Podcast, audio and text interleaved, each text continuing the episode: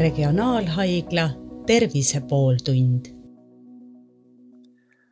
tere kuulama Regionaalhaigla Tervise pooltundi ja tänane saade on salvestatud Skype'i teel eriolukorra tõttu. tänases saates on külaliseks Põhja-Eesti Regionaalhaigla õendusdirektor Aleksei Kaidajenko. tere. tere päevast õendus on valdkond, mis on praeguses eriolukorras äh, tõeliselt eesliinil, äh, puutub kokku erakorraliste haigete ja, ja nakatunud haigetega. palun äh, kirjeldage, kuidas see teie töö tänasel päeval eriolukorra tingimustes erineb tavapärasest tööst? kindlasti antud olukord on väljakutse kogu tervishoiusüsteemile, sealhulgas ka õenduspersonalile, kes on Äh, tihti äh, esiliinil. Ning äh, me oleme nende päevade jooksul, mida me oleme viinud läbi ettevalmistamised nii erakorralises meditsiinis osakonnas kui intensiivravikeskuses oleme moodustanud spetsiaalsed patsientidele mõeldud, Covido positiivsetele patsientidele mõeldud osakonnad ja, ja käivitunud äh, juba osa neist, et äh, kõik need muudatused on läbi mõeldud just selles mõttes, et, et saaks patsiendid head ja kaasaegset abi lähtuvalt sellest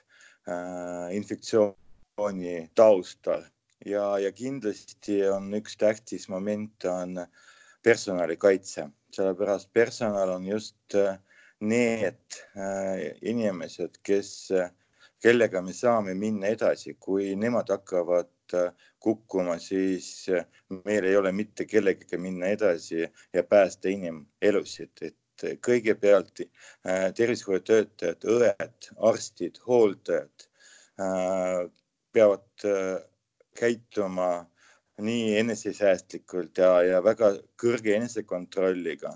et mitte nakatuda ja kindlasti siis me saame aidata äh, abivajajaid. kuivõrd palju nüüd eesliini meditsiinipersonal ise on mures enda tervise pärast, et te kasutate kaitsevahendeid ja olete võtnud kõikvõimalikud abinõud tarvitusele, aga sellegipoolest, äh, kui pidevalt puutuda nakatunutega kokku, siis ikkagi see, see risk haigestuda on, et kuidas, kuidas inimesed selle psühholoogilise survega toime tulevad? ma olen täitsa nõus, et see on eriolukord, see on eriolukord meile, meie põlvkonnale, sest me ei ole varem kokku puutunud äh,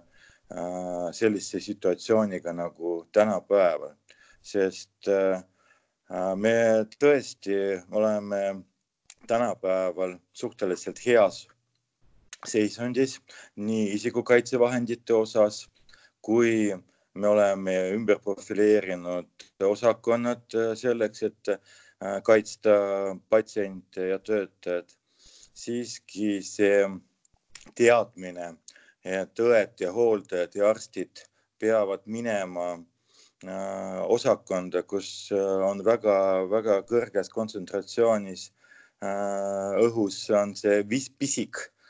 mida me kõik tegelikult kardame, kuna ta on meie jaoks uus ja, ja me ei tea täpselt selle mõju meie organismile. me kasutame kõik need isikukaitsevahendid. me anname endast parima, me kontrollime enda käitumist, kuid see kõik on väga äh, väga väsitav nii äh, personal, nii vaimselt kui, kui füüsiliselt, sellepärast et äh, olles seal infitseeritud või isoleeritud keskkonnas äh, peab end väga-väga äh, jälgima, et mitte eksida ning mitte seada oma tervis ohtu. Ja see tõesti avaldab mõju äh, psüühikale ja, ja kindlasti on väga inimlik ja mõistetav, kui inimestel tekivad äh, äraütlemisreaktsioonid, et hirmud. Äh, me anname endast parima, et need hirmud maha võtta. olla eeskujuks teistele ja meie haiglas me oleme korraldanud kohe praktiliselt esimesest päevast võimaluse kasutada meie haigla äh, psühholooge ja meie haigla palliatiivraviteenistuse äh, töötajat äh, selleks, et saada oma töötajatele psühholoogilist, anda psühholoogilist tugi ja, ja toetust. noh, tänapäeval see ei ole veel väga palju nagu levinud, aga siiski mina ütlen töötajatele, et kui te olete koos, siis jälgige üksteist, et vahest ei pruugi inimene ise aru saada, et ta vajab abi, siis kolleeg kõrval peaks märkama seda ja, ja, ja pöörama sellele tähelepanu. nüüd ka patsientidele on on olukord uudne ja, ja, ja neid hirmujutte on meedias ka üsna palju, et kuidas te olete märganud, kuidas patsiendid, kes on nüüd äh, sattunud teie haiglasse äh, Covid-19 diagnoosiga, kuidas patsiendid käituvad, kas nad on kuidagi teistmoodi kui, kui tavalised intensiivravi patsiendid või, või kuidas te seda kirjeldaksite? No kui rääkida intensiivravi patsientidest, siis tegelikult meil on pikaajaline kogemus ARDS ehk kopsupõletiku ja kopsuhaiguste patsiendi raviga ja hooldusega ja, ja nemad kõik enamus vajavad kopsude kunstlikku ventilatsiooni. Nad on niinimetatult äh, ravi, ravi, ravimite mõju all magavad ja, ja tegelikult see on intensiivravi valdkonnas ju tavaline igapäevane tegevus. aga kindlasti on väljakutse äh, patsientidele ja töötajatele äh, just tavaosakond, kus nad on stabiilses seisundis, kus nad on teadvusel kontaktsed, adekvaatsed, lihtsalt on põhihaigus, nõuab nendel, nende statsionaarset ravi, aga nemad on ka Covid positiivsed. Ja rääkides tüdrukutega äh, arutasime just äh, see nüanss, et äh, kuna, kuna personal viibib Äh, osakonnas täisvarustuses ehk isikukaitsevahendites, siis äh, kadus võimalus äh, patsiendile noh, julgustada teda naeratusega või, või mingi miimika, positiivse näomiimikaga. sellepärast ainult silmad on need, millega on võimalik nagu, mida näeb patsient meie töötajate pealt ja, ja, ja tegelikult see on, see on hirmutav ka patsientidele, noh, sest äh, kuna tegemist on uue viirusega, ka meie ei, äh, ei saa täpselt öelda, kuidas ta mõjub, avaldab mõju tervisele. Ja, ja kindlasti me lohutame need, me toetame need, samamoodi äh, me oleme kutsunud nendele palliatiivravimeeskonna psühholoogid ja, ja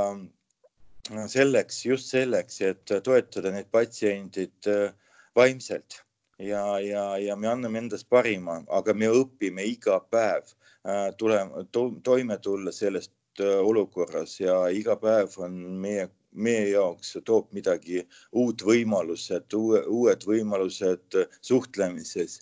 ja, ja, ja lohutamises ja, ja nii edasi. see on igapäevane selline väljakutse meile kõigedele no Covid patsiente ei tohi ka külastada või üldse ei tohi praegu haigas, haiglas patsiente külastada, et kuidas see mõjutab nüüd patsientide sellist äh,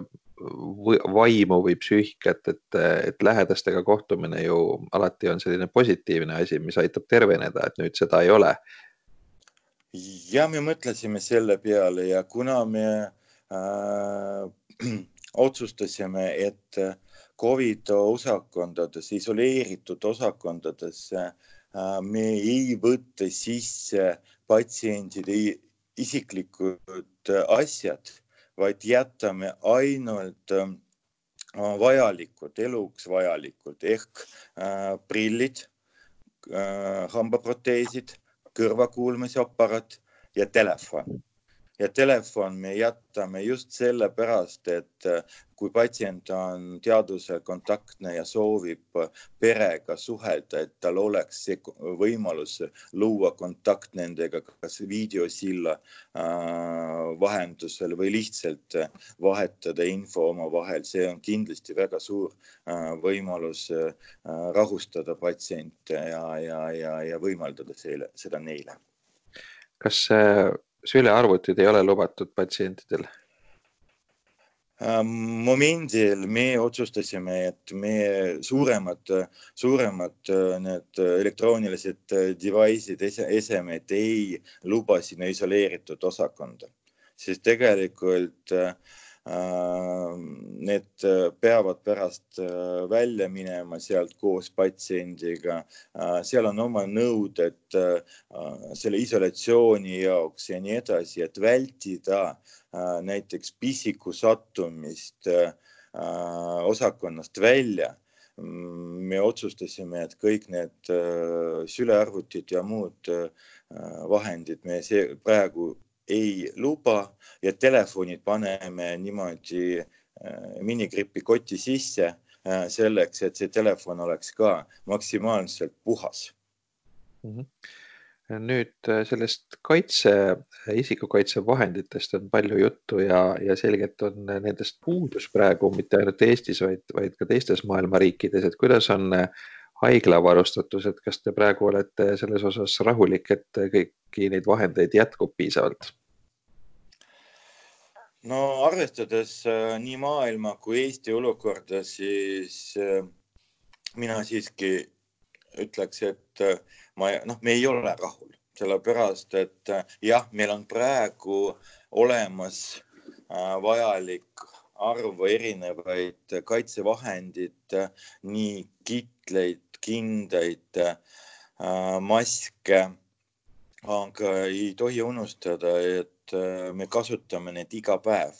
ja, ja see tähendab see, et varu, varud kahenevad ja, ja selleks, et olla rahul, äh, me peame olema kindlad, et äh, asemele to-, tulevad uued vahendid. paraku viimase nädala jooksul on üksikud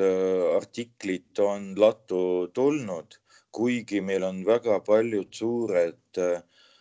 tellimused on üleval ja, ja kahjuks nad ei ole tähtajaliselt äh, täidetud. et praegu on uued tähtajad on üleval, me loodame, et nad jõuavad kohale. aga probleem kindlasti on üleval, sest äh, ma saan olla kindel siis, kui piisav varu on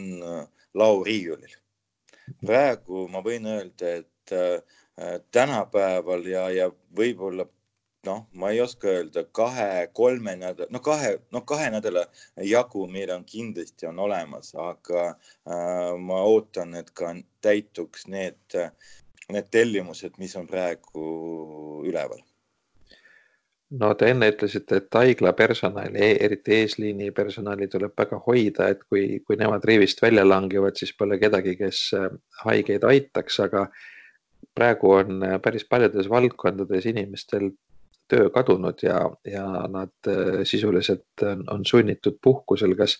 kas selline, sellise suhteliselt lühikese ajaperioodi jooksul oleks ka võimalik äh, õpetada kedagi kas siis õenduse või, või, või mingit lihtsamat haigla hooldepersonali tööd tegema inimesi, et te saaksite endale abikäsi juurde? kindlasti, kindlasti meil on nagu olukord, kus me peame väga kiiresti äh, kohanema erinevate äh, võimalustega, sest äh, tegelikult arvestades seda, et meil on praegu vaja katta need uued osakonnad, siis meil on vaja ka inimesi mujale, sellepärast arvestades seda, et regionaalhaigla on piirkondlik äh, haigla ja me peame täitma ka oma muud ülesanded. Äh, tavahaigused ju patsientidel ei ole kusagile kadunud. meil on teised osakonnad on töös, meil on onkoloogilised patsiendid äh, saab, saavad oma ravi praegu ja, ja kindlasti sellises pingilises olukorras me, me mõtleme, kuidas me saaks leida ressursse Äh, nende töötajate seas, kes võiks äh, ka koolitada äh, vabatahtlikke nende positsioonides, kus me saaks need rakendada ja, ja nad saaks nagu abiks meile tulla. üks võimalus kindlasti, kelle peale me loodame ja mõtleme, kui tekib suurem vajadus Äh, on tervishoiu kõrgkooli üliõpilased. Äh, noh, suurem osa neist on ehk juba teine, kolmas, neljas kursus on juba läbinud haiglapraktikat, neil on ettekujutus haigla elust ja, ja, ja äh, mis siin toimub, aga kindlasti vabatahtlikega on seotud ka teised kohustused äh, meil kui tervishoiuasutusel, et me peame tagama, et äh, nad turvaliselt siin saaks äh, oma teenused meile pakkuda, abi ja, ja kõik need väiksed nüansid natukene praegu hoiavad meid tagasi, et me aktiivselt võtaks need kasutusele, nende abi kasutusse. aga arvestades seda olukorda, mis võib tekkida meie majas ja mitte meie majas, vaid Eesti tervishoius, kindlasti äh, meil on plaanis väga aktiivselt äh, alustada niinimetatud vabatahtlikult värbamisprotsessiga. täna on isegi koosolek äh,, kus me istume maha ja arutame, äh, kuidas selle protsessiga minna edasi aga mis need tööd on, mida sellised inimesed, kellel pole eriharidust, kes pole varem haiglas üldse töötanud, üldse saaksid teha, sest noh, võib ju olla ka nii, et keegi, kellel on suur soov aidata, aga tal ei ole üldse mingeid oskusi või ettevalmistust, tekitab hoopis kahju ja, ja segab teiste töö tegemist. Siin ma olen täitsa nõus teiega, sest siin me peame täpselt kaaluma Äh, seda kasuteguri, sest äh, haiglakeskkond äh, tihti avaldab tavainimestele sellist, noh, keegi võtab ta suhteliselt rahulikult, aga mõned võtavad väga-väga emotsionaalselt, et siis meil tõesti äh, ei ole aega tegutseda äh, rahustamisega ja, ja, ja abi andmisega äh, vabatahtlikele äh, selle asemel, et me ootaks nendelt äh, abi. et kindlasti siin on need isikuomadused, peavad inimesed ise olu, kaaluma, kas nad sobi, sobivad haiglasse, sellepärast et me ei saa nagu neile pakkuda mingi noh, haigla vaba keskkonda, jah, me saame pakkuda neile tööd laos kus on vaja komplekteerida äh, näiteks tellimused, me saame pakkuda neile võib-olla äh, vajadusel äh, tööd köögis siis kus on vaja komplekteerida toidud, no seal on igal pool oma spetsiifilised nõuded ter,, nõuded, tervisetõendid ja noh, asigi ongi sellest, et see sõltub, kui, kui, millises olukorras me oleme kui me, me, me oleme olukorras, kus äh, meil on tõsine kriis, äh, mis nagu katkestab üldse meie toimetulekut, siis me oleme ka sunnitud äh, võtma noh, kasutuse kõik abinõud. praegu momendil me ikkagi proovime minna edasi, et me suudame säilitada ka pakutava kvali-, pakutava terviseabi kvaliteet, et kõrgel tasemel. aga kindlasti tööd, igasugused tööd saab pakkuda te, nende vabatahtlikutele, kas nad on, sõidutavad patsiente raamiga või ratastooliga ühest punktist teise või nad äh, viivad ravimid võib-olla äh, osakondadesse, aga see kõik vajab natukene nende ettevalmistus ja, ja nende äh, sisseelamine haiglaellu mida te soovitaksite oma kolleegidele, õdedele, kuidas nemad saaksid ennast hoida ja, ja kui nad haigestuvad, siis kuidas tagada seda, et nad teisi ei nakataks? see on väga äh, õige küsimus, sest äh, arvestades tänast olukorda, äh, iga tervishoiutöötaja, kes tuleb tööle, peab kõigepealt alustama Äh, sellest, et ta küsib enda käest, kas tal on äh, tervis korras,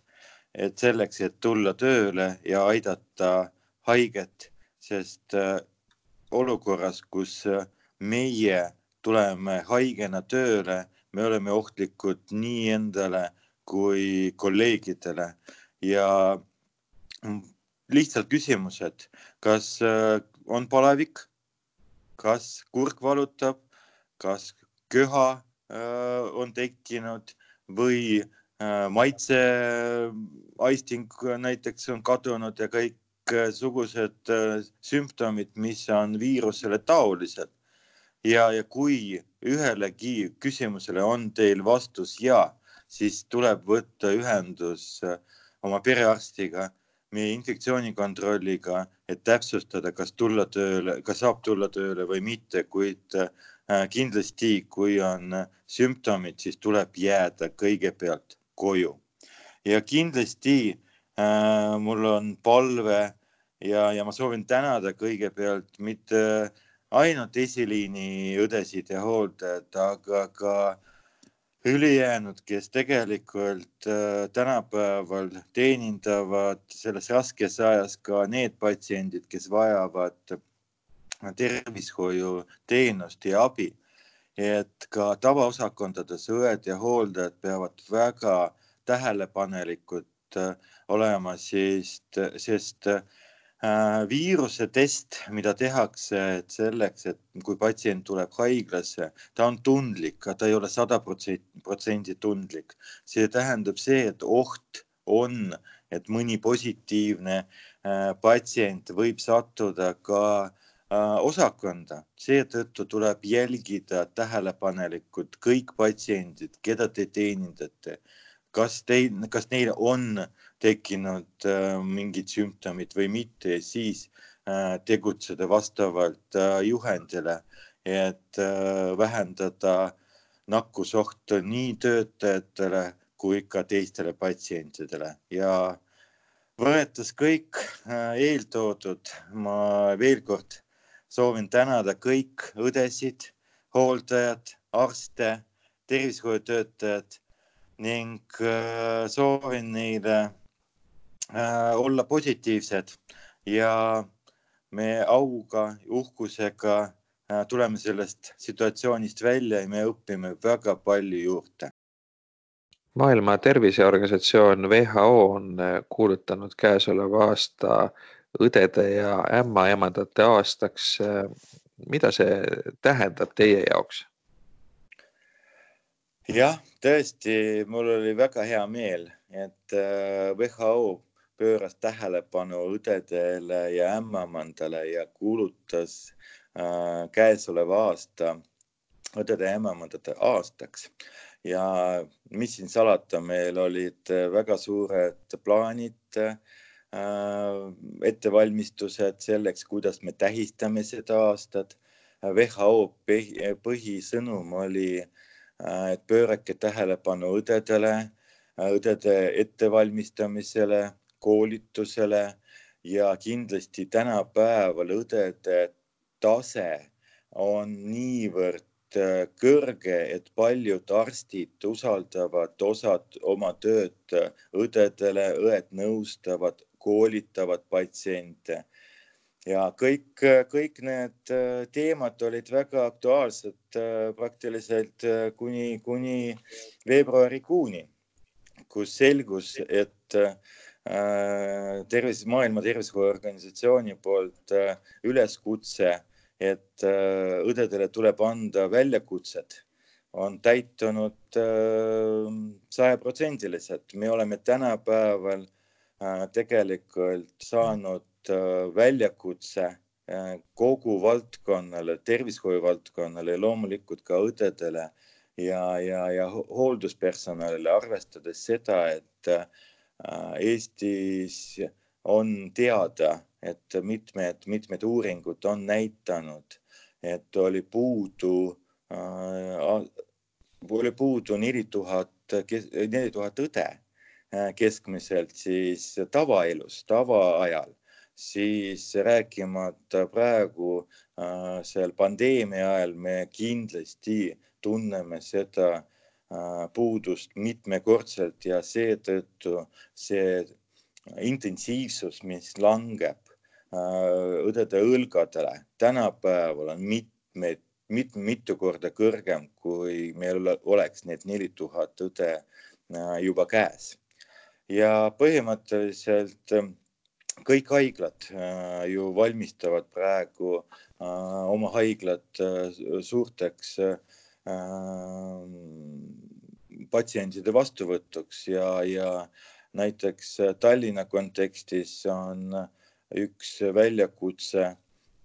on õdede, õdede töötamine erinevate tööandjate juures. Meil Tallinnas on võimalus töötada erinevates haiglates ja õed seda on ka ära kasutanud. Äh, ja, ja täna, äh, kui kõik tööandjad soovivad õdesid endale, siis õdedel tekib, tekib dilemm, äh, kelle juurde nad lähevad. ja, ja meie peame olema ka kindlad, et kui mina kutsun õde, et ta tuleb, valib mind ja tuleb meie haiglasse. et kõik need nüansid me oleme ka eelnevalt teadvustanud teavitanud nendest, me oleme äh, käinud Õdede Liiduga sotsiaalkomisjoni Riigikogus ja, ja sotsiaalministeeriumis. aga nüüd on meil käes aeg, kus me peame toime tulema sellega, mida meil käes on tänapäeval. ja ma loodan, et see aasta äh, ikkagi jätkuvalt toetab meid äh, ja, ja, ja meie väljakutsed. Nüüd äh, valitsus ja, ja äh, eriolukorra juht on pannud inimestele südamele ja andnud soovitusi, kuidas käituda, aga tundub, et paljud neist soovitustest ikkagi ei, ei ole kohale jõudnud ja me näeme ikkagi rahvakogunemisi nii, nii looduses kui, kui kaubanduskeskustes mis teie soovitused inimestele oleks, et kuidas kõige paremini äh, vältida selle viiruse veelgi laiemat levikut? jah, siin koha peal mina olen äh, isegi väga-väga toetan ja nõus äh, meie meditsiini juhiga Arkadi Popoviga, kes asus valitsuse juures töötama ja, ja, ja Terviseametis on meditsiinijuht. et need tegevused, mida on vaja võttaks, et vältida viiruse levikut, peavad olema tunduvalt karmimad. mul on tõsiselt lootusetu tunne tekkis eelmine äh, nädalavahetus, kus oli väga ilus ja päikeseline ilm ja, ja, ja ise ma, ma tõesti püüan hoida väga ranged äh, isolatsiooni äh, nõuded, teades seda, et äh, mina pean iga, noh, ma, ma pean jõudma tööle tervena ja, ja mul on, on vaja ette valmistada haiglad suureks väljakutseks. aga seda, mis ma nägin, et meedias, kuidas inimesed väga-väga noh, ükskõiksed, mina ütlen selle peale äh, käitunud ja, ja ma saan aru, et äh, ilus ilm ja mõnus väljas olla, aga sellega tegelikult nemad on äh, ohustanud end, oma lähedasi äh, sellega, et äh, jagada seda viirust, saada seda viirust. mina ütlen äh,, minu isiklik seisukoht, et tänapäeval on tegemist bioloogilise sõjaga ja vaenlane pole nähtav. ehk see olukord nõuab väga tõsist suhtumist ja äh, riik on tegelikult väga õiged sammud on ette võtnud ja, ja, ja palunud äh, kodanikke äh, need jälgida, sellepärast äh, kõik need võimalused, ka isolatsioon, kodune isolatsioon, vähem kontakte äh,, kui